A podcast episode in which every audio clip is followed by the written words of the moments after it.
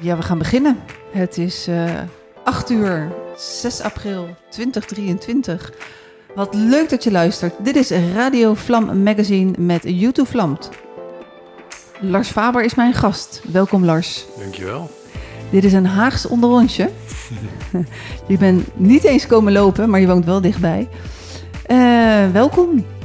Ben jij eh, een Hagenees of Hagenaar en welke definitie hanteer jij? Oh jeetje. Nou, dat durf ik niet te zeggen. Ik ben een voorburger van geboorte. Daar brand ik me niet aan. Oké, nou dat kan ook. Ik stel je even voor en even kijken of het me lukt om eh, volledig te zijn. Je bent man, Hm? 53 jaar, Ja. een, een jonge godenzoon. Gefascineerd door het menselijk psyche, emoties, de werking van het menselijk lichaam. Je leven, diepe dalen en hoge pieken. Je geeft de opleiding Breathe Work Coach. Je doet meditaties en tegenwoordig heb je een onwijs jong beroep. Je bent YouTuber. Ja, leuk hè? Van, mijn- van mijn eigen kinderen geleerd. Van je eigen Ja, kinderen ja, geleerd. Nou, zo, we leren ontzettend veel van Zeker. onze eigen kinderen in ons leven. Ja. Ik heb heel veel, kinderen, heel veel dingen geleerd van mijn eigen kinderen die niet op mijn wensenlijstje stonden. Mhm. Ja, dit was er ook zo eentje. Ik had no- nooit gedacht dat ik dit zou doen, maar het is ontzettend leuk om YouTube te doen. Ja. Zo. Welke dingen heb je nog meer van je kinderen geleerd die niet op jouw wensenlijstje stonden? Jeetje, Mina. Op het gebied van eh psyche, emoties en eh, dat soort Nou ja, dingen. het zijn natuurlijk de grootste leermeesters. Hè? Ze leren me continu. En dan zouden we helemaal de diepte in kunnen duiken over hechting. Dat is een van mijn favoriete onderwerpen. Maar door mijn eigen kinderen op te voeden en te voelen wat hun behoeften waren, heb ik pas gevoeld van, jeetje mina, wat heb ik allemaal gemist in de kindertijd. Dus dat leren ze me vooral, van wat kindjes nodig hebben in de verschillende levensfasen van hun leven. Mhm.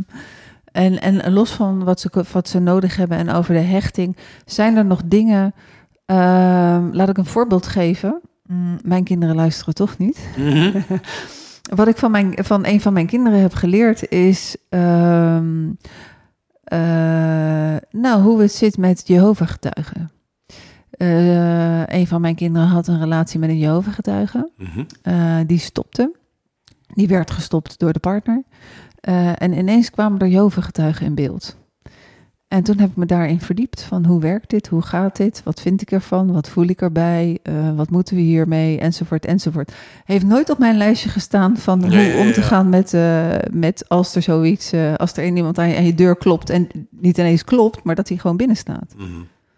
Dat soort dingen. Wat heb jij? eh, Nou ja, laat ik het dichter, dichter bij jongens houden. Het zijn twee jongens. Zij hebben mij geprobeerd om spelletjes als Fortnite te leren spelen. En daar kan ik helemaal niks van. Ik, sta, ik heb er allemaal speciale gear eh, voor aangeschaft. Maar papa, je moet er nu schieten, je moet nu erin lopen. Dus nee, het is mij nooit gelukt om dat spelletje goed te leren spelen. Maar eh, dat hebben ze me geprobeerd te leren. Oké, hartstikke goed. Nee, je bent getrouwd. Ja, Eh, hoe lang al? bijna 19 jaar. In april eh, 19 jaar. Mhm. Ja. Met Tanja. Ja.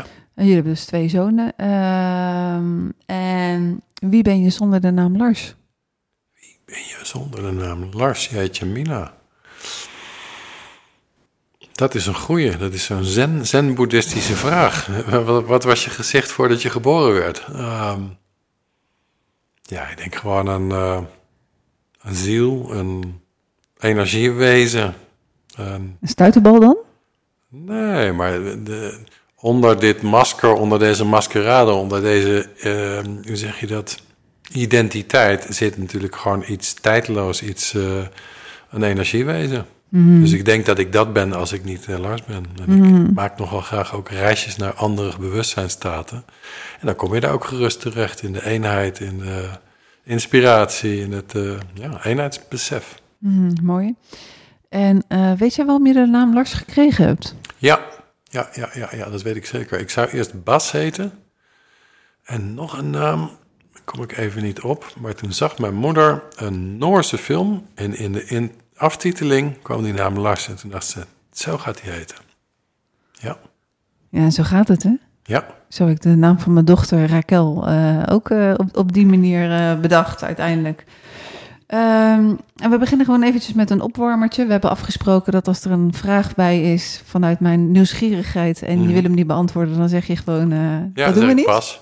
Ik ben, ik, ben, ik ben niet zo gesloten hoor. Dus je mag er wel een heleboel vragen. Mhm, ik ga proberen. Ja hoor. Eh, de korte vragen. Eh, maak een keuze. Monogamie, open relatie of polyamorie? Ja, ik ben dan toch van de open relatie. Hmm, wat is Ja. het verschil voor jou, polyamorie en open relatie? Ehm, ja, dat is natuurlijk een heet hangijzer. Er wordt al jaren over gediscussieerd. Open relatie is, daar is voor, voor mij de primaire partner is de, eh, de, de andere partner is de primaire partner, is de nummer één. En daar kan je af en toe eens een keer een, ja, vaker wat kortere relatie met iemand anders aangaan, soms ook iets langer. Polyamorie zie ik meer als, eh, als gelijkwaardige, eh, wat langere relaties. Ja. Oké. Ik weet niet of dat, een, of dat de officiële definitie is, maar zo heb ik het in de loop der jaren een beetje leren kennen. Mhm, nou, dat, eh, je, je kan eindeloos de- discussiëren Ja. over eh, definities. Ik heb mensen wel eens drie uur eh, met elkaar in gesprek eh, op, mijn, op mijn bank gehad over respect. Ja, Ja, ga maar eens een, een, een de- Ja, maar in, in de open relatie, en dat eh, gaat het vooral mijn vrouw Tanja, die zegt ook: Ik wil weten en voelen dat ik de nummer één ben. En dan, als ik die veiligheid heb, die veilige basis, dan kan ik je de ruimte geven. Hè, als dat dan nodig is. We hebben allebei die ruimte, maar dan kan ik, me dan, dan, kan ik, ja, dan kan ik je dat gunnen. Van, dan mag je, kan en mag je af en toe met iemand anders verbinden. En bij polyamorie was het te, eh, te verbonden met een andere partner. Ik heb ook een, echt een polyamoreuze relatie gehad van drie jaar. En dat werd op een gegeven moment echt een volledig gelijkwaardige relatie. En dat, dat trok mijn vrouw niet. Die had zoiets van, nee, dat komt te dichtbij. Mhm. Ja. Dus daar heb je uiteindelijk afscheid van Ja. genomen. Oké, dankjewel. Eh, wat ben jij? De helpaholic, de love addict, de victim of de control freak? Wat ben je het meest? Zo, ja, dat vraag ik mezelf ook af en toe af. Ehm, ik denk dat ik, mijn imprinting het meest is een onderdeel van de helpaholic en dat is de redder. Dat ben ik van kind, ik ga we toch weer naar de hechting. ben ik van kind af aan gaan doen. Vooral mijn vader gaan redden en later ook mijn moeder. En eh, ja, dan krijg je wat ze noemen parentificatie. Dan word je dan een, een klein kindje wat, eh, wat een volwassene wordt. En daar heb ik ooit geleerd van, ik krijg enorm veel liefde en waardering als ik andere mensen red. Hmm, Wat Ja. was de reden dat je vader bent gaan redden?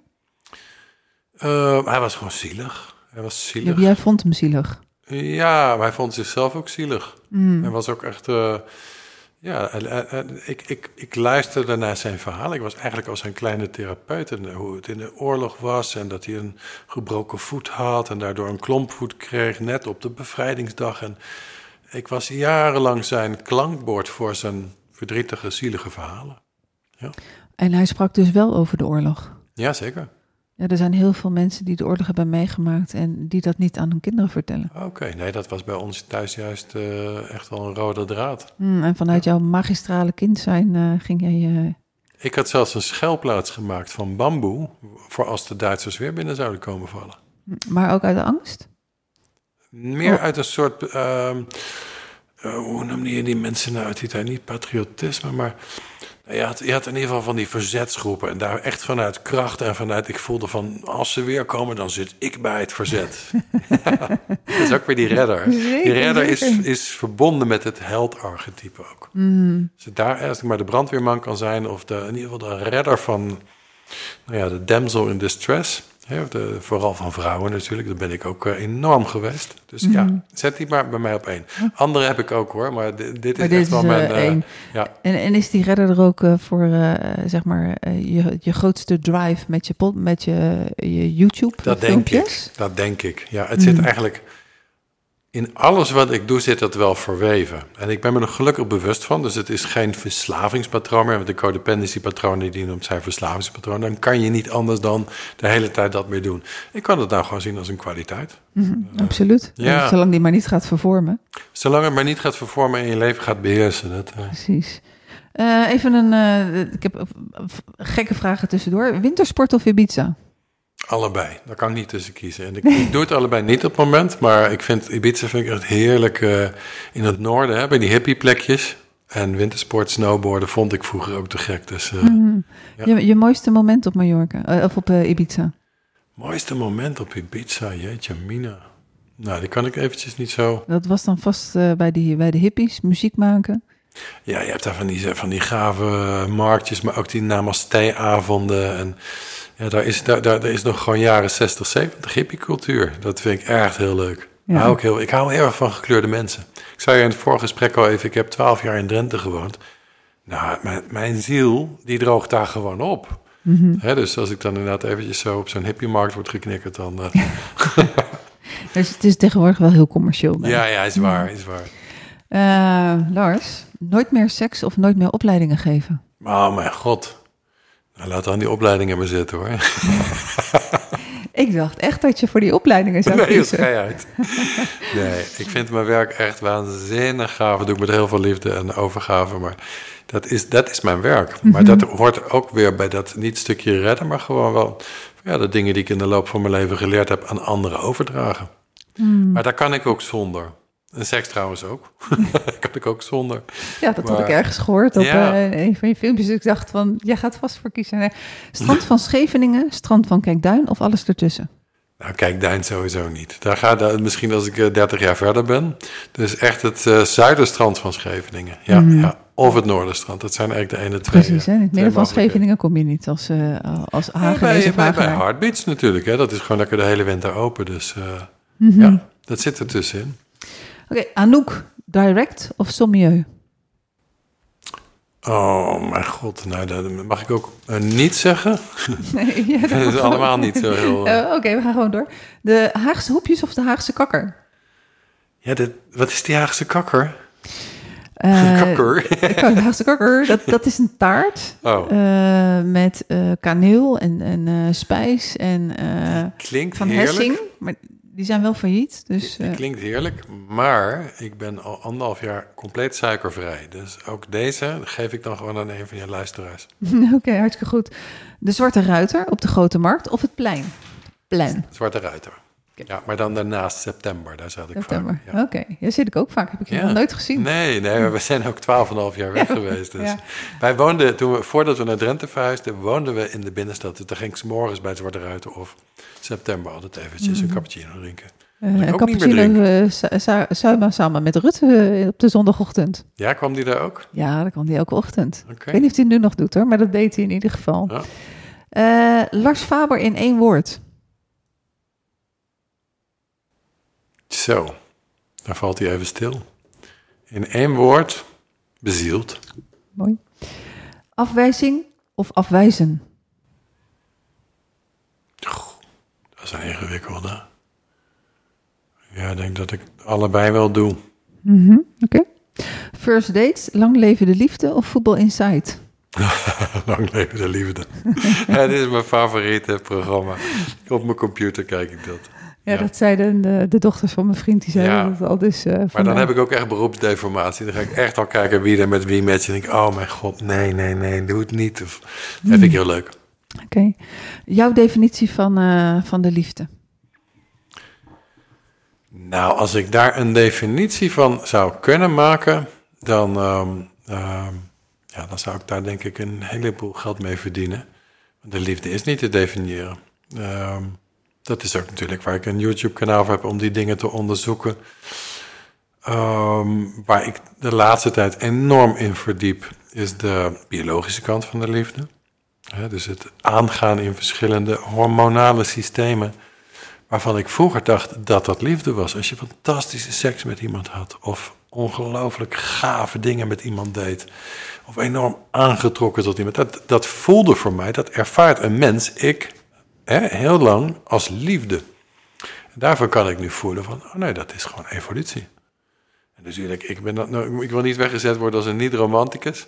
Maar eh, dat zijn de hormonen in ons werkzaam die willen voortplanten.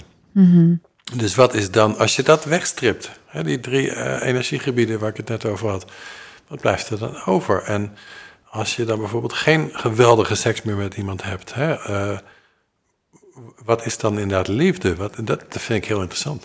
Maar ik heb daar geen antwoord op. Zou je met iemand een, een langdurige relatie kunnen hebben als er geen of slechte seks zou zijn? Ehm, ja, dat zou kunnen. Ja, dat zou kunnen. Omdat in dat onderzoek, wat ik zelf doe, daar, ja, daar ben ik natuurlijk ook bezig met die vraag: wat is dan liefde? Wan- wanneer voel ik mij geliefd door de ander? En dat, dat is wat mij betreft het belangrijkste in de relatie. Dus niet wanneer ik me geliefd voel, maar wanneer daar energie tussen stroomt, tussen beide partners. Dat je allebei kan zeggen, en dat is een felt sense, een gevoelservaring. Ik voel mij geliefd. Maar liefde zelf benoemen, mamma mia. Hmm, nou, volgens mij zijn er, eh, als je het honderd mensen vraagt, zijn er honderd verschillende Precies. antwoorden. Precies. Ja. Eh, net zoals ik zeg altijd, eh, ik ben dan ook nog docent. Als je honderd docenten vraagt van eh, vertel over het begin van de, van de Tweede Wereldoorlog, krijg je ook honderd verschillende Ja. antwoorden. Ja. dat is natuurlijk ook zo met liefde. Ehm, ik wil het vandaag onder andere met jou hebben over vreemdgaan. Mhm. Ben je wel eens vreemd gegaan? Eén keer. Ja, in mijn eerste relatie was een huwelijk van bijna 12,5 jaar. Daar liepen we vast al heel lang, ook seksueel. En daar eh, ben ik vreemd gegaan. En daar is de relatie ook meteen opgestrand. Dus daar Want je meteen ging naar huis en je vertelde het gelijk. Niet direct, want het was voor mij ook zoiets van... oh mijn god, wat is hier gebeurd? En als ik dit ooit vertel, is het einde oefening. Maar mijn geweten zit zo... eh, ik wil niet zeggen... Open? Nou, ik- het zit zo rigide in elkaar. Ik kan niet liegen. Ik, dat gaat gewoon niet. In ieder geval niet naar mijn partner. Ik bedoel, nu zou ik rustig een leugentje om best wel kunnen vertellen. Maar naar mijn partner voor zoiets belangrijks... waarvan ik weet dat ze daar absoluut niet achter staat... zou ik dat nooit kunnen. Dus ik heb daar inderdaad eh, na een paar dagen over gesproken. En dat was meteen een koffer pakken... en eh, eventjes een paar maanden bij mijn moeder wonen. Het is helemaal geen stoer verhaal... maar dat was rond mijn 30, dus 23 jaar geleden. Ja, kijk, men denkt dat, dat als je het hebt over open relaties en polyamorie, dat het, het vreemdgaan eh tegenhoudt of dat het dan niet meer gebeurt. Mhm. Eh, de realiteit is weer barstiger. Eh, natuurlijk kan nog steeds vreemd gaan als je een open relatie hebt. En of als je afgesproken hebt, we, doen aan, we hebben polyamoreuze relaties. Ook dan wordt er nog vreemd gegaan. Ja. Ehm, omdat men het vooral ook wel iets voor zichzelf wil hebben en voor Mm. zichzelf willen, willen houden. Eh, in, in die zin, hè, eh, je kan het natuurlijk nooit 100% met zekerheid zeggen. Maar stel dat Tanja vreemd zou gaan. ja. Zou je dan in kunnen schatten hoe jij zou reageren? Ehm, ik denk niet dat zij dat kan. Want zij is dan nog een tandje transparanter dan ik. Want dat is eigenlijk in het verlengde van, jou, van jouw vorige vraag. Deze ervaring, hè, die ik zo rond met 30 zat, die heeft bij mij een soort imprinting gemaakt. Dit wil ik nooit meer. Dat is voor mij de basis geweest van een open relatie. Ik heb vrijheid nodig, maar ik heb ook verbinding nodig. Maar dat vreemdgaan en iets stiekem doen, dat wil ik dus dat wil ik in ieder geval nooit meer doen. Tanja heeft zo'nzelfde soort ehm, imprint als ik, maar is dan denk ik nog net een tandje ja, eerlijker, opener, transparanter.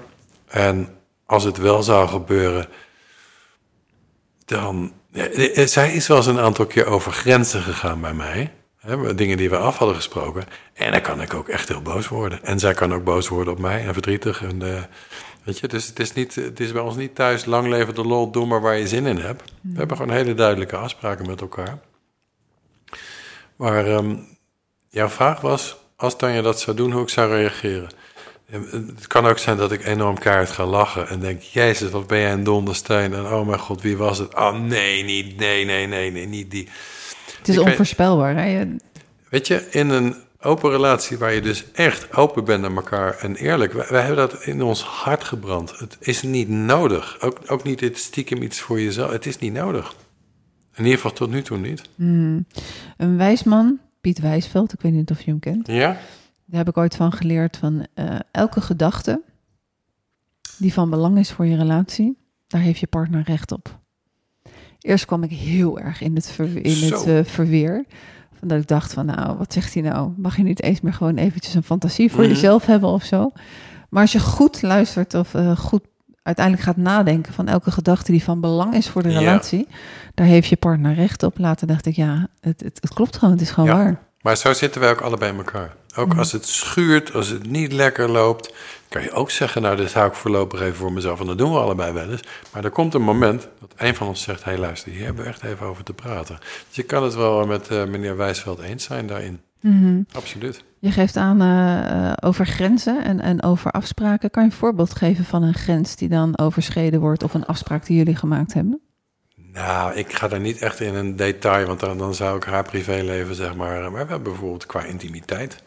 Hebben we, hadden we toen in ieder geval bepaalde afspraken. Waarvan ze ook zeggen, oh nee, dat doe ik echt niet meer met die persoon. En het dan toch doen. En, en het dan ook opbiechten. Dus dat, dat, vind ik ook, dat vind ik ook het leuke. En dan kan ik dus in eerste instantie eigenlijk hetzelfde naar mijn kinderen. Gewoon in eerste instantie ontzettend boos worden. En daarna moet eigenlijk van binnen moeten schaten lachen van Jezus, Mina. Ik ben wat dat betreft, wat dat betreft niet zo rigide. Snap je? Mhm. Dus ehm, ja. Ik denk, je zit nog wat te bedenken. Nee, nee, nee, nee, nee, nee, nee. Nou, ik heb, zelf heb ik zoiets van. eh, ehm, ik denk dat ik vroeger, in, in, eh, dat ik toen ik eh, twintig was en een eh, verwend jong, jonge, jong meisje en eh, ehm, nog heel weinig ervaring op het gebied van de liefde, dat ik toen wel zou hebben gezegd van en daar, daar is de deur. Mhm. Maar nu inmiddels als, als 58-jarige eh, jonge vrouw nog steeds, hier en daar toch wel wat ouder, hoop ik dat ik de rust heb om het uit te gaan zoeken. Van wat is hier en eh, wat. wat eh, en daar zie ik gelukkig zelf in mijn praktijk heel veel mensen die eh, dan uit- uiteindelijk te laat, of tenminste later, het is natuurlijk repareren, maar toch de gesprekken met elkaar aangaan. En dan, dan zie ik ze ook nog, gelukkig heel veel, weer verliefd worden op elkaar. Mm. Ja. Ja, dus het, het, En je bedoelt als, als dan een partner vreemd is gegaan, ja, om dat precies. dan gewoon aan te gaan kijken van wat is er nou eh, de dynamiek die daaronder zit. Dat is denk ik wat je bedoelt, hè? Jazeker. Ja, ja, en wat ja, is er nou gebeurd en hoe heeft dit kunnen komen? En eh, hoe is onze hoe is, wat is eigenlijk de status van onze relatie? Hè, dat, dat valt mij eh, heel erg op. Dat mensen ehm, ja, het echt heel lastig vinden om de juiste gesprekken met elkaar aan te gaan. Mhm. Hè, vanuit angst voor afwijzing en angst om je partner te kwetsen, wordt er heel veel niet gezegd. Ja, zeker. En eh, zelfs waarvan je denkt van nou, dit is toch iets wat je makkelijk zou kunnen zeggen, maar dat, dat wordt als eh, heel lastig ervaren. Als we vreemd gaan nu koppelen aan hechting, Mhm. heb jij dan het idee, eh daar is natuurlijk geen wetenschappelijk onderzoek naar gedaan, of misschien wel, maar dan weet ik de cijfers niet, dat op dit moment komt er echt superveel publiciteit over vreemd gaan. Met nog wel steeds de afkeuring en dit mag niet en eh, op die manier. Maar denk jij dat, eh, als je het nou ver- hebt over hechting, dat de meeste mensen die vreemd gaan onveilig gehecht zijn? Weet je, Mina. Daar vraag je nog wel wat. Ehm,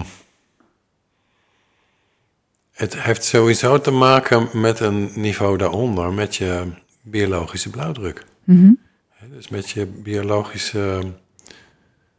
Bijvoorbeeld als jij, als jouw, jouw biologische temperament, dat woord zocht ik, als dat loopt op dopamine. Hè, dus als je, de, dus genetisch, dat heb je genetisch doorgekregen, dus je blauwdruk. Hè, dus als je ouders al eh, overwegend op, hè, dus op, het, op de neurotransmitter dopamine lippen, zeg maar. Deze mensen zijn eerder geneigd om vreemd te gaan. En dat zit dus nog voor, eh, voor hechting. Dat zit dus al in de biologie voor een heel deel. Eh, omdat de mensen die, die dus met dopamine verbonden zijn, hè, dus het molecuul van meer, maar ook van actie, van avontuur, die zijn eerder bereid om risico's te nemen. Dus, hè, dus die, die moeten we er sowieso al bij halen. En dan, ja, dan komt het natuurlijk ook hoe je gehecht bent en hoe je eh, de relatie van je ouders als voorbeeld hebt gezien, wat daar de waarden en normen thuis waren. Wat helemaal niet wil zeggen als die fantastisch waren, dat jij diezelfde waarden en normen aanneemt. Wat je vaak juist ziet, is dat mensen enorm rigide waarden en normen meekrijgen.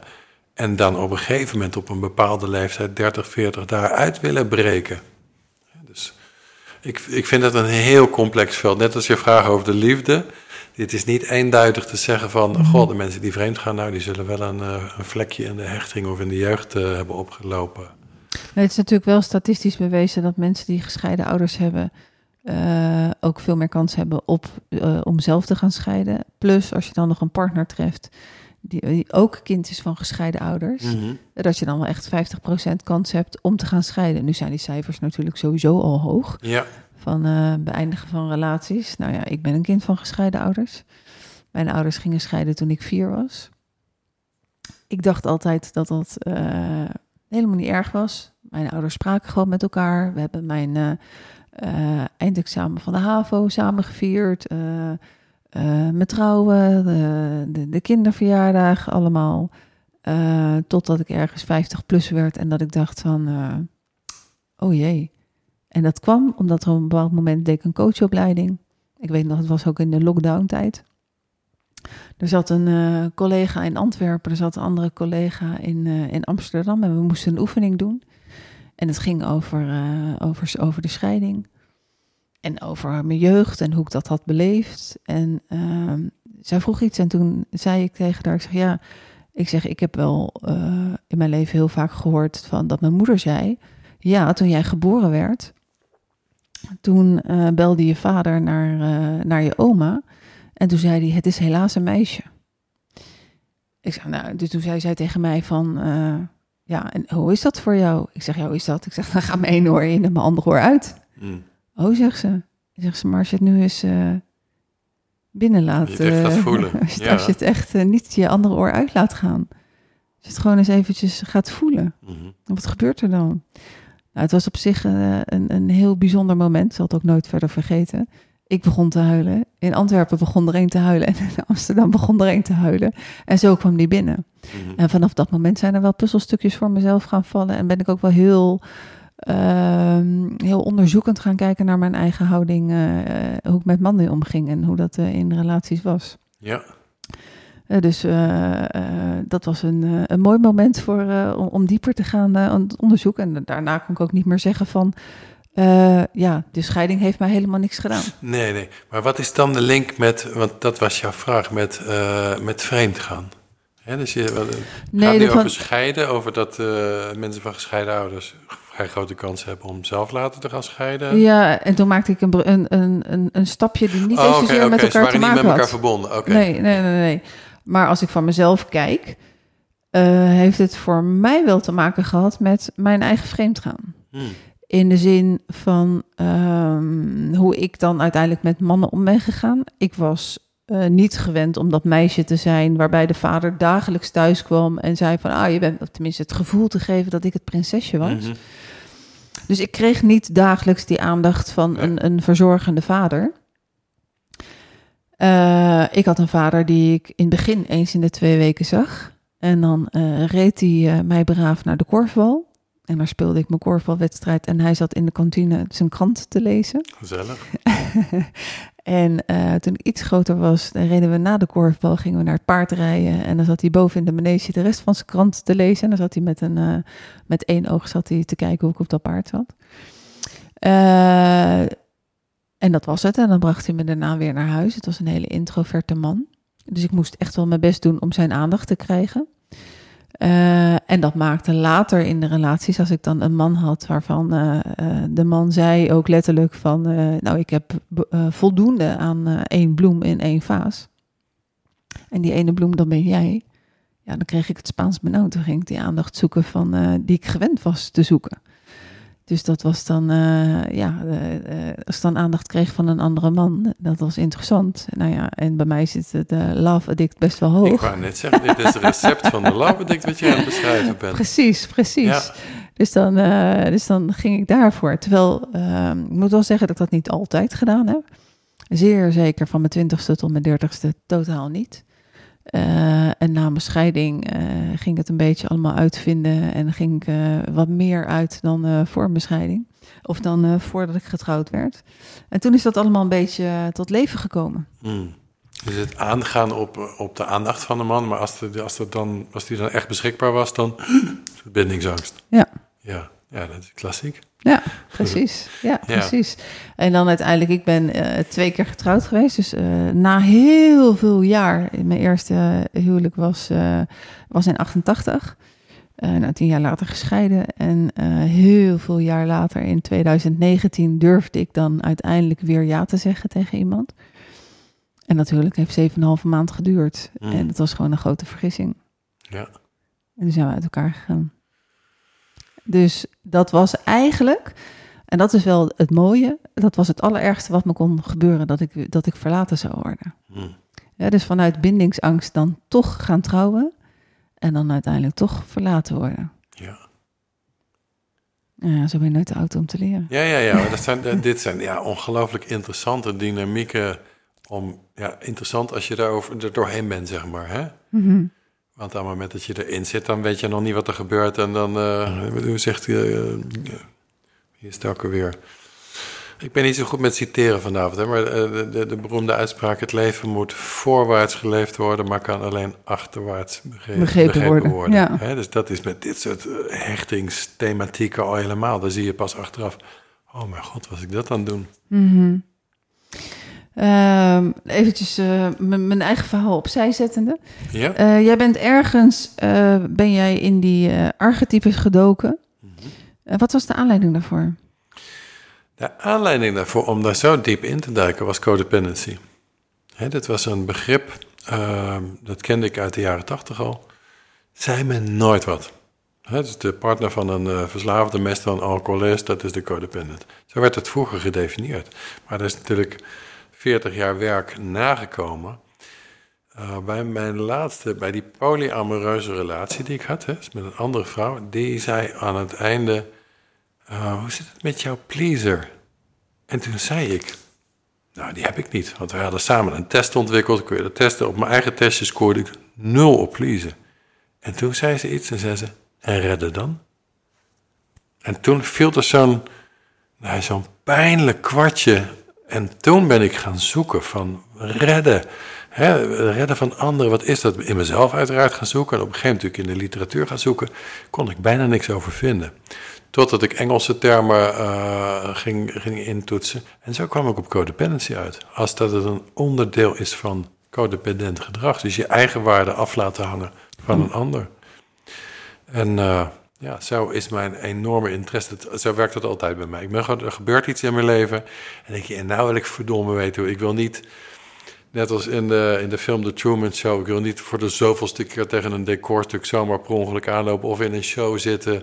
Hè, um, waarvan ik niet weet dat hij eigenlijk geregisseerd is. Ik wil, ik wil de regie snappen hiervan. En zo ben ik me eigenlijk in gaan verdiepen. Hmm, je leeft een beetje vraag gestuurd. Als je een vraag tegenkomt, Tuurlijk. dan... Uh, ja, zeker.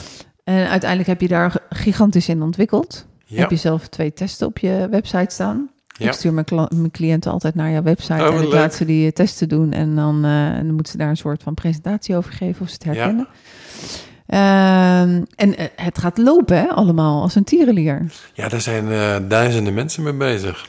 Het, ehm, ja, ik hou hier ook van. Ik hou van dingen aanbieden die echt zijn. We, we leven in zo'n gekke fonie wereld. Hè, waar krijg je vaak op internet krijg je een heel klein dingetje aangeboden. En daarna moet je weer achter een betaalwal moet je een andere cursus afnemen. En ik had zoiets van nee, ik ga gewoon alles wat ik hierover weet en wat ik tegenkom, ga ik zelf in een podcast in YouTube filmpjes brengen. Dat, zodat het echt waardevolle content is. Dus die dingen waar ik zelf op mee geworsteld heb, dat een ander dat ziet en zegt, Domme, zo zit het met het zenuwstelsel of met de ademhaling of met die hechtingspatronen waar we het net over hadden. Dat is mijn eigen interesse en ik vind het super gaaf om dat door te geven. Mm en, uh, en die ademhaling?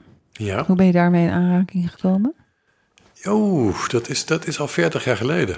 Dat is, uh, ik ben ooit per ongeluk uh, uit de yoga-traditie ben ik pranayama gaan uh, bestuderen. Dat zegt mij niks. Ja, pranayama, het is eigenlijk de, de, de ademtak zeg maar, van de yoga. Dat zeg ik hoor, verbeter me maar in de... Heb je comments? maar in ieder geval zo heb ik het leren kennen. We hadden een boek thuis, dat had mijn zus uit de bibliotheek gehad. Ik was tien, zij was twaalf, dus zij mocht al in de grote kinderbibliotheek. En dat was zo'n zo'n zo'n boek met uh, dwergen op sterk water, een oog op sterk water, uh, gekke toverspreuken die je tegen je vijand kan uit en pranayama-oefeningen uit India. En daar stond bij, daar kun je cities mee ontwikkelen. Cities zijn bijzondere gaven. Nou, wat wilde ik als tienjarig yogi natuurlijk? Bijzondere gaven ontwikkelen. Dus ik ben die ademtechnieken die daar stonden, gaat heel erg over nou, ik pas met mijn zoon meditatie, uh, ademmeditatie op het YouTube-kanaal gemaakt. Hè. Dat gaat ook erg over je adem inhouden. Deze ademhaling die ging over steeds meer vertragen. Dus zo lang mogelijk in en uit, een 50, 60, 70 seconden inademen en net zo langzaam uitademen. En daar kom je dus in een andere bewustzijnstaat terecht. Als je dat een paar minuutjes doet, nou, dat vond ik dood als kind. Er ging letterlijk hier een wereld open. Dus ik wijs nu voor de luisteraars naar mijn derde oog, dus tussen je wenkbrauwen. Mhm. Daar zag ik gewoon één oog. En een enorme, vredelievende fijne, rustige stilte. Maar ik werd daar gewoon bang van. Ik kwam uit een heel dysfunctioneel gezin. Daar was ik die rust en die stilte en die sereniteit helemaal niet gewend. Dus ik, ik ben er op een gegeven moment mee gestopt. Maar daar is wel mijn interesse voor ademwerk. En wat je daar dus mee kan doen met je bewustzijn, is daar gewekt. Mhm. En wat kan je allemaal doen? Nou ja, waar ik het dus zelf voor gebruik, dus waar ik opleidingen geef, is trauma release. Dus als mensen, inderdaad, wat jij net vertelde, eh, hechtingsthematieken hebben, dan help ik ze puzzelen. Help ik gewoon te onderzoeken van waar zit dat in je jeugd, waar zit dat in je biografie, maar uiteindelijk, waar zit dit in je lijf? Al die dingen waar we het net over hadden, uit jouw of mijn leven, die zitten ergens opgeslagen in je lijf. Dan heb je ergens contracties, samentrekkingen gekregen in je jeugd. Dan ben je bepaalde stukken energie uh, in je lijf af gaan sluiten. Dat kan bijna niet anders, want over, anders overleef je niet als kindje. dus je dissocieert vaak, gaat weg van moeilijke gevoelens, onderdrukt bepaalde gevoelens.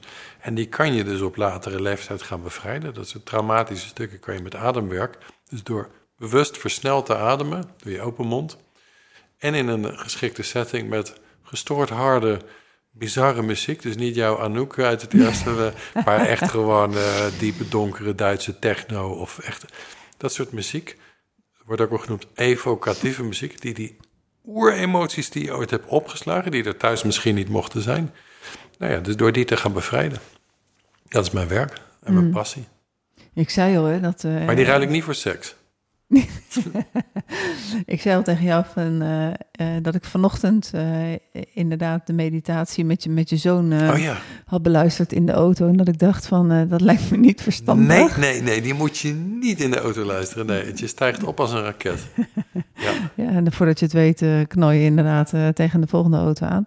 Ja. Um, je geeft daar opleiding in. Ja is dat uiteindelijk wat, uh, wat je doet voor de kost? Dat is mijn werk, ja. Dus je ik werkt ben opleider. En, uh, geef je veel opleidingen? Ik geef het uh, dus iedere keer twee, twee tegelijk, dus twee per maand. nee, niet twee per maand. het zijn trajecten van zeven maanden, maar ik doe er twee in de maand, zo moet ik het zeggen. Mm -hmm, Oké. Okay. En, en het is wel heel, denk ik, super gaaf dat je, dat je zoon op zijn manier toch wel enigszins je pad ja. volgt. Ja op zijn 17-jarige leeftijd. Ja, ja. Ja, maar die is op zijn 16e is die van school afgegaan. En die is bij mij de opleiding komen doen. Dus dat uh, is niet, niet alleen maar gewoon de interesse voor het pad, maar hij is ook echt gewoon de opleiding gaan doen. En ook echt, het zijn pittige weekenden. Hij heeft ook flink wat trauma-release gehad ook. En, uh, dus die is daar echt in bevlogen. Mm. Maar wij hebben ook eenzelfde soort blauwdruk. Hè? Dus we hadden het straks op dopamine lopen. Wij lopen allebei op dopamine. Hoe, hoe weet je dat?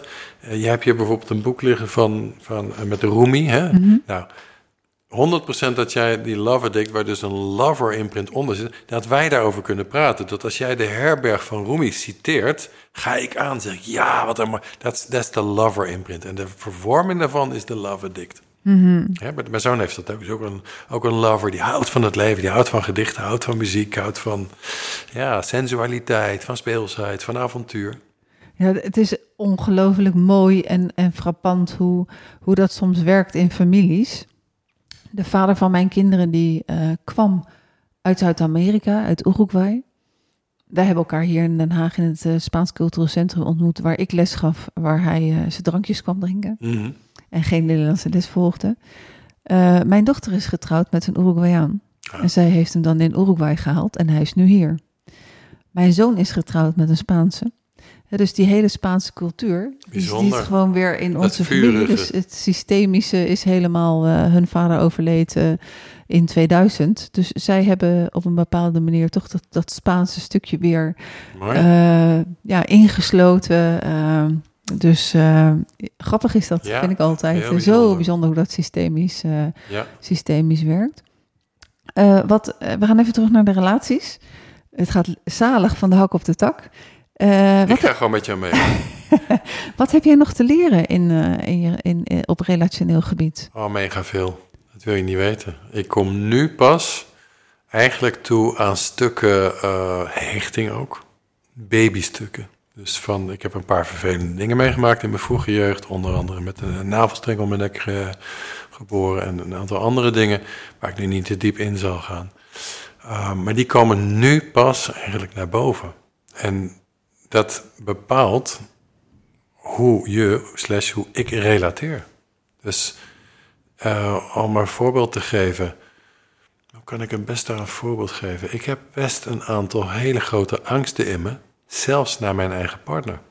Die ik het meest van alle mensen op deze aardbodem vertrouw. Maar alsnog heb ik een aantal angsten. Bijvoorbeeld mijn eigen behoefte op het gebied van seksualiteit of sensualiteit aangeven. Dat klinkt helemaal niet stoer voor een 53-jarige man. Maar dat kan ik niet. Ik, ik zou het op kunnen schrijven, ik zou er een boek over schrijven, maar het kan het dus niet verbaliseren. Ik krijg het niet over mijn lippen. En dat, nou, daar ben ik nu aan het traceren. Dus dat is een van de dingen die ik aan het leren ben. Om gewoon toch, ondanks dat er ooit iets is gebeurd waardoor dat kindje in mij heeft gezegd: Je gaat nooit meer praten, we gaan ons nooit meer kwetsbaar maken. Die angst aangaan en dat in de relatie brengen, dat groeiproces. En niet de ander daar eigenaar van maken. Het is mijn eigen eigenschap, maar ook eigen. Hè, ik heb daar verantwoordelijkheid voor. Maar daar samen in leren. En mijn vrouw heeft ook dit soort dingen meegemaakt uh, als, als babytje. Dus wij, wij, doen daar, we hebben elkaar ook niet voor niks uitgezocht. Hè? Mm Dus de onderliggende contactadvertentie? Ja, precies, precies, precies. Gewoon, mhm. Dat werkt magnetisch bijna. Dat, is, dat zijn dingen, joh, daar zijn we gewoon nog jaren mee bezig. En, en dat bedoel ik ook dus straks te zeggen van... de liefde is dus zo moeilijk te beantwoorden wat dan liefde is. Wat wij wel allebei weten is dat hoe, hoe uh, kwetsbaarder we worden... Hè, en dit soort dingen echt ook aangaan... hoe meer liefde er stroomt. Ja, ik, ik heb hier ook ergens een boek liggen, nu niet in, in, in beeld... Uh, dat is van Kate Rose, uh, de drie grote liefdes in mijn leven. Of de, de oh. drie grote liefdes. Dat uh, iedereen heeft drie grote liefdes. Nou, maakt verder niet uit. Maar wat ik wel dacht is van de drie grote liefdes, die hebben jij en Tanja in drie grote fases. Jullie maken volgens mij die drie fases gewoon door. Mhm. En in plaats dat je switch van partner, zijn jullie weer een volgende fase ingegaan. Ja. Ja, wat, mooi. ik, wat ik uh, erg mooi vond om te horen, dat waren de geloften die jullie elkaar. Uh, oh, die heb je gehoord. Ja, die heb ik gehoord. En die, ja. die geef ik ook elke keer door aan, aan mijn koppels. Van luister die aflevering en, en kijk wat je doet. Omdat ik vind dat Um, als mensen bijvoorbeeld um, daaraan gewerkt hebben, onderzocht hebben na ontrouw en ze gaan een nieuwe fase in. Mm Of een, een cliënt had van mij ook de vraag van hoe kom ik van mijn, van mijn affaire af? En ze kiest bewust voor de tweede keer voor haar eigen man en ze gaat ook een nieuwe fase in. Dan zijn geloften uh, met een mooi ritueel zijn, zijn, zijn prachtig om een nieuwe fase in te absoluut, gaan. Absoluut, absoluut. En in die zin uh, vond ik dat zo'n mooi voorbeeld. Oké, wat leuk joh. Ja, ja. zo zie je wat er... Uh... Nee, dat is verrassend. ja, maar wij vernieuwen die ook zo om de tien jaar zo'n beetje. De laatste keer, dat heb ik volgens mij in die podcast ook verteld toen. Dat was shocking, want ik, ik kon, ik kon, we gingen opnieuw trouwen. Ze zeggen trouwen, we gingen eigenlijk opnieuw trouwen daar. Ik kon het niet. Ik werd zo zwart in mezelf en donker. En dat had gerust een relatiebreuk kunnen zijn... Ik ben dat toen gaan onderzoeken. En toen kwam ik er pas achter, maar ik heb meer ruimte nodig. Ik heb meer vrijheid nodig. En daar gaan die geloften ook over. We steunen elkaar om volledig onszelf te worden.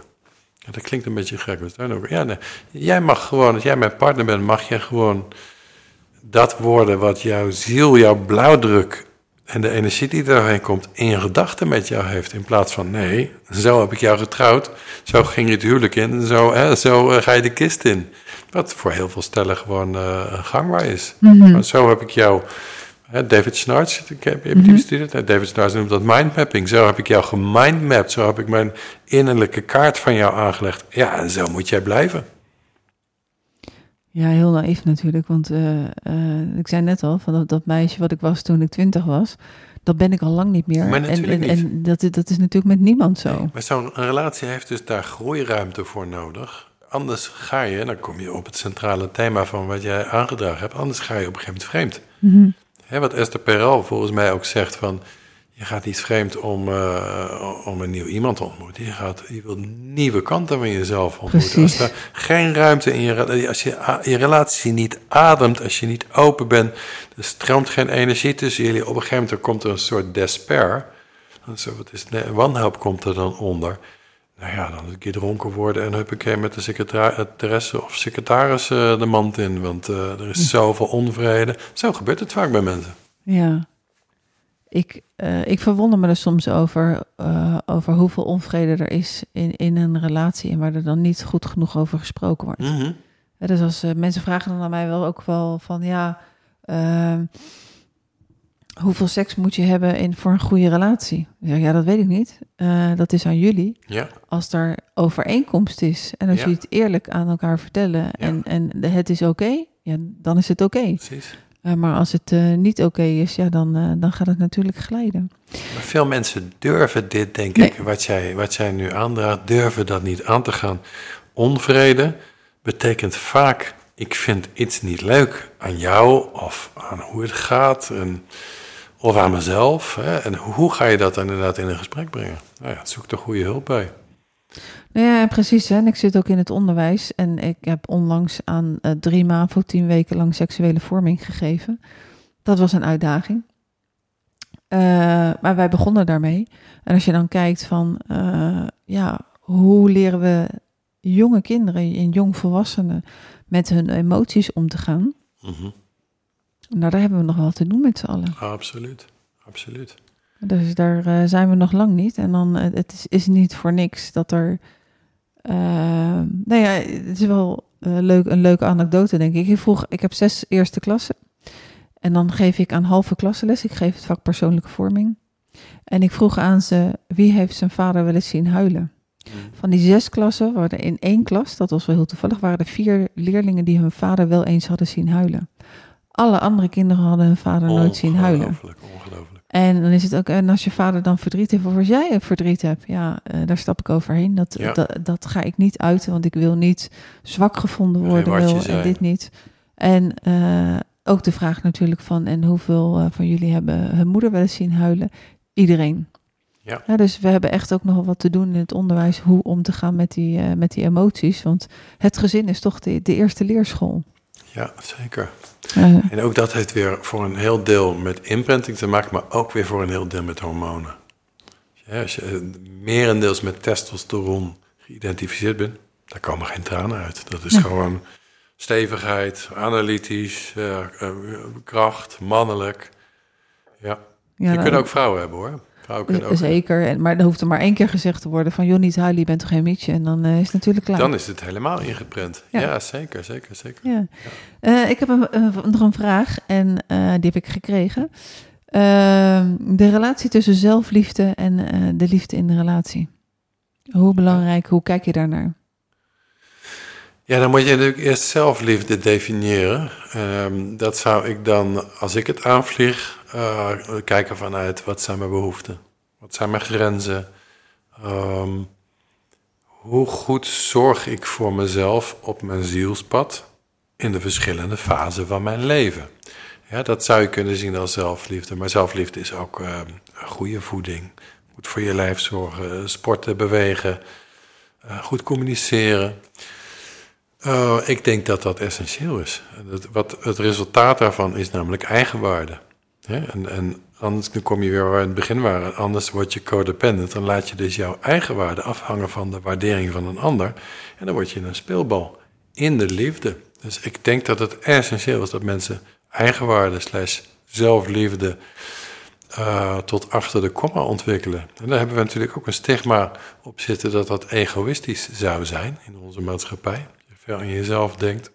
Ik denk dat het tegenovergestelde waar is. Als je heel goed voor jezelf zorgt uh, en goed je eigen grenzen kent met name, zeker met de thema's waar we het nu over hebben, dus liefde en vreemdgaan en seksualiteit, uh, maar dus goed je eigen waarde daarin voelt, dan word je een veel leukere en betrouwbaardere partner ook. Want dan heb je geen verborgen agenda's en dan waar je niet steeds mee met de ander.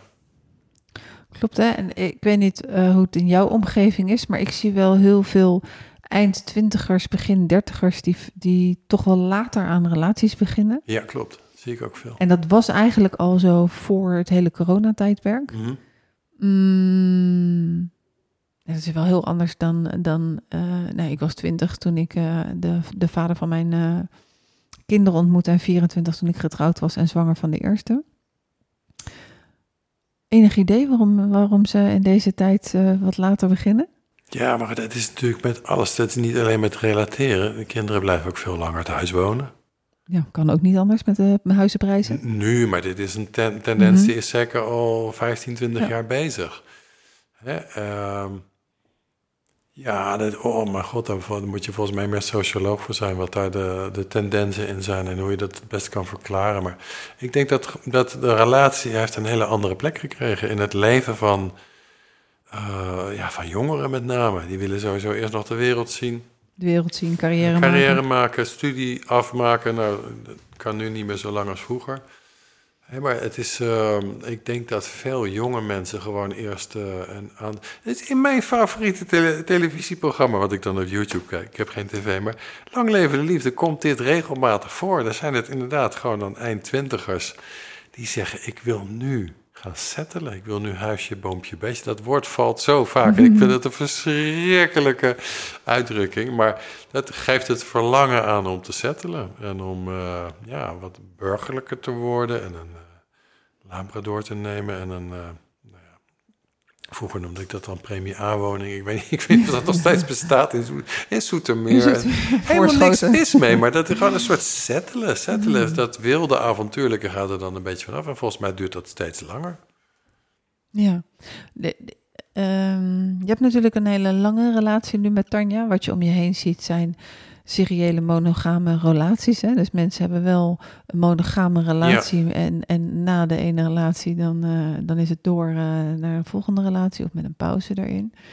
Dat is ook wel een ontwikkeling van deze tijd. Mhm.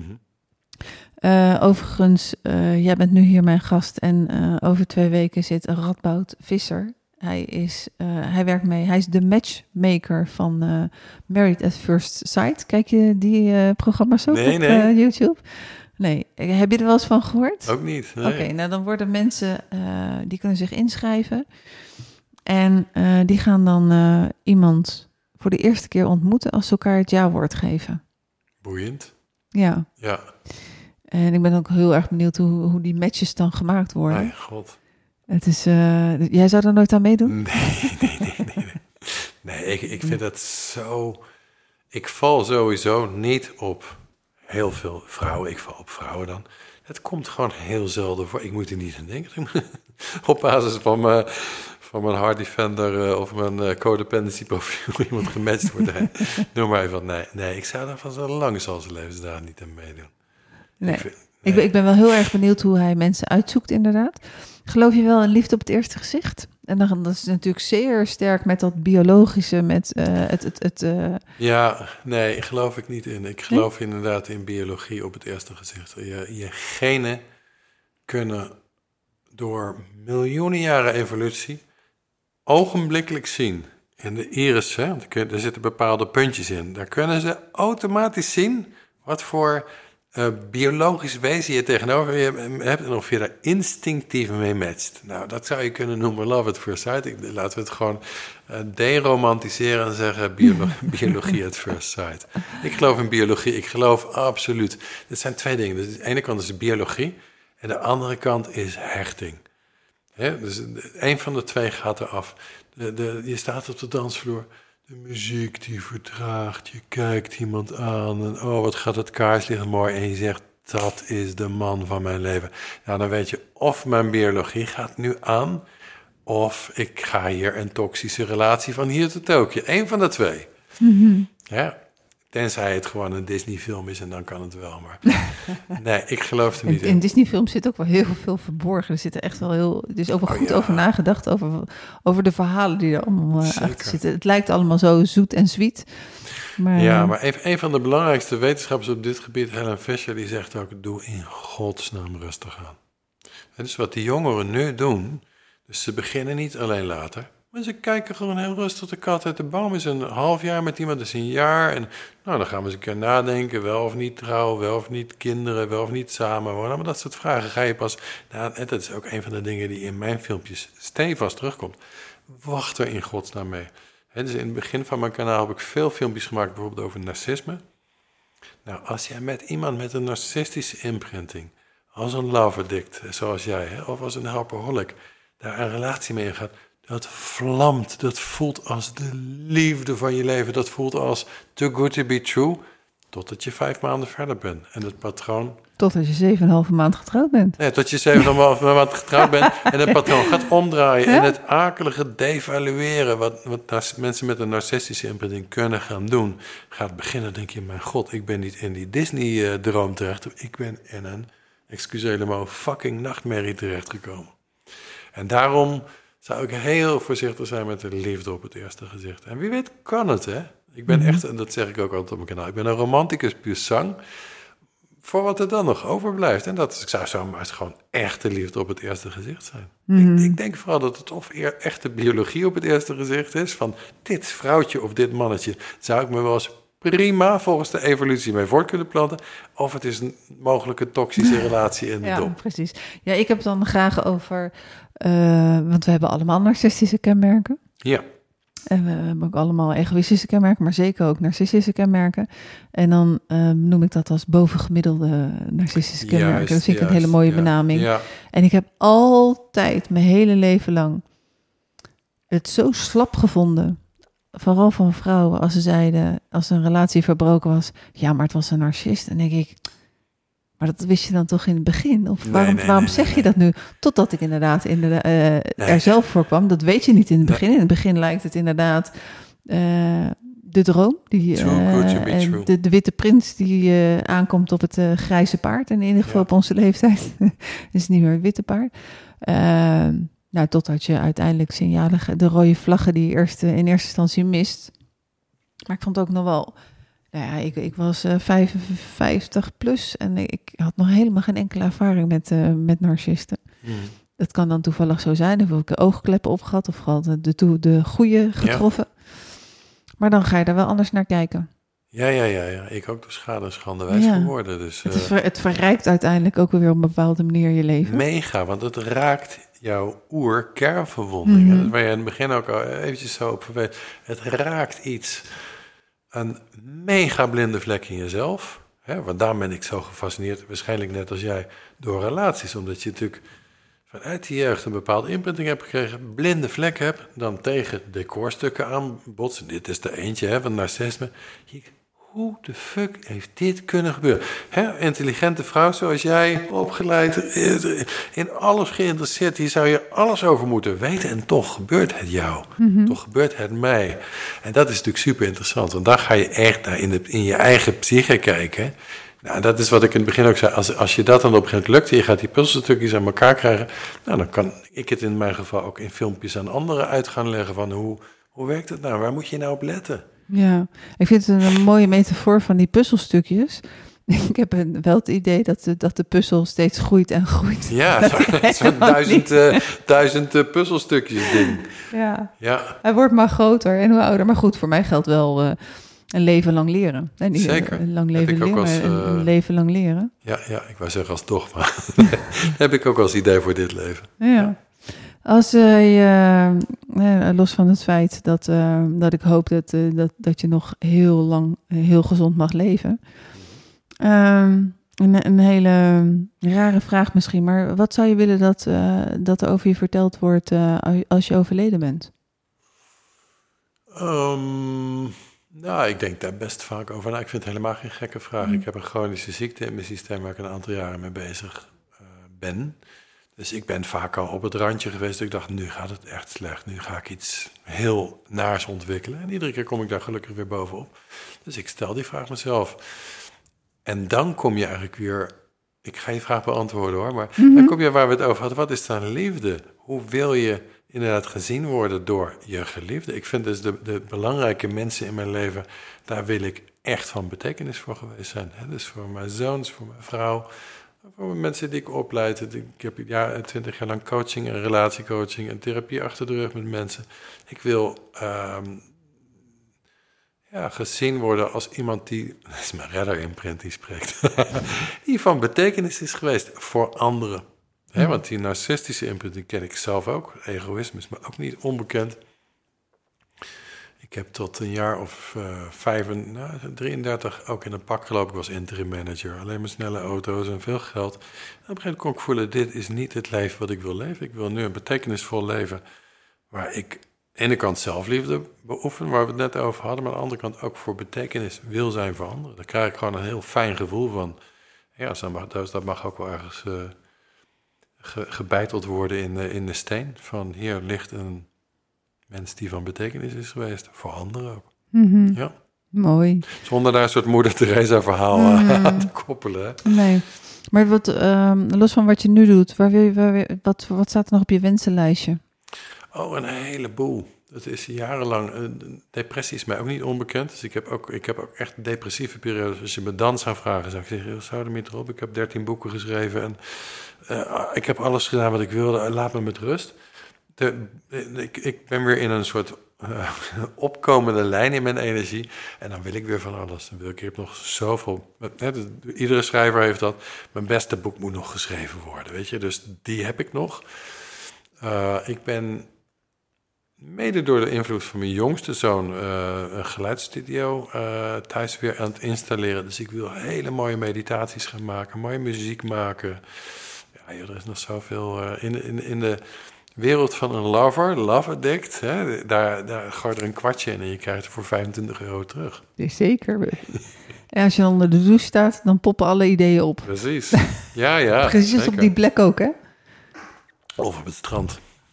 Ja, Eh, Lars, eh, we zitten al eh, aan, de, aan de tijd. mooi. Welke vraag heb ik je niet gesteld en wil je toch nog graag antwoord op geven? oh mijn god, wat heb jij een lastige vraag, joh. Mhm. Ehm, nee, die kan ik niet zo ophoesten. Ik, ik ben zo in flow met jou in trance dat ik dan niet kan denken, wat zat hier nou niet in? Dan zou ik even helemaal uit de stroom moeten stappen en terug moeten luisteren. Nee, dan, dan is het allemaal eh, helemaal goed. Ja, Ik heb volgens mij alle vragen die ik eh, door had gekregen, eh, heb ik je gesteld. Fijn. En eh, ik wil je hartelijk danken om eh, voor hier voor je kennis te delen en voor eh, deze mooie ontmoeting. Ik vond het leuk om je te ontmoeten en zo van gedachten te wisselen. Ja, dankjewel. Dankjewel. En voor de luisteraars, dankjewel voor het kijken. Of, pff, kijken. voor het luisteren. Over twee weken is Radboud Visser mijn gast, zoals ik net al zei. Dan gaan we het hebben over matches. Eh, hoe die gemaakt worden, onder andere bij, eh, bij MAFS, maar wellicht ook voor jou thuis. Als je een vraag hebt, stel hem dan via info.vlam magazine of gewoon via mijn YouTube coaching, mag ook. En eh, luister dan graag weer. Lars, dank je wel. En als luisteraar, jij ook bedankt.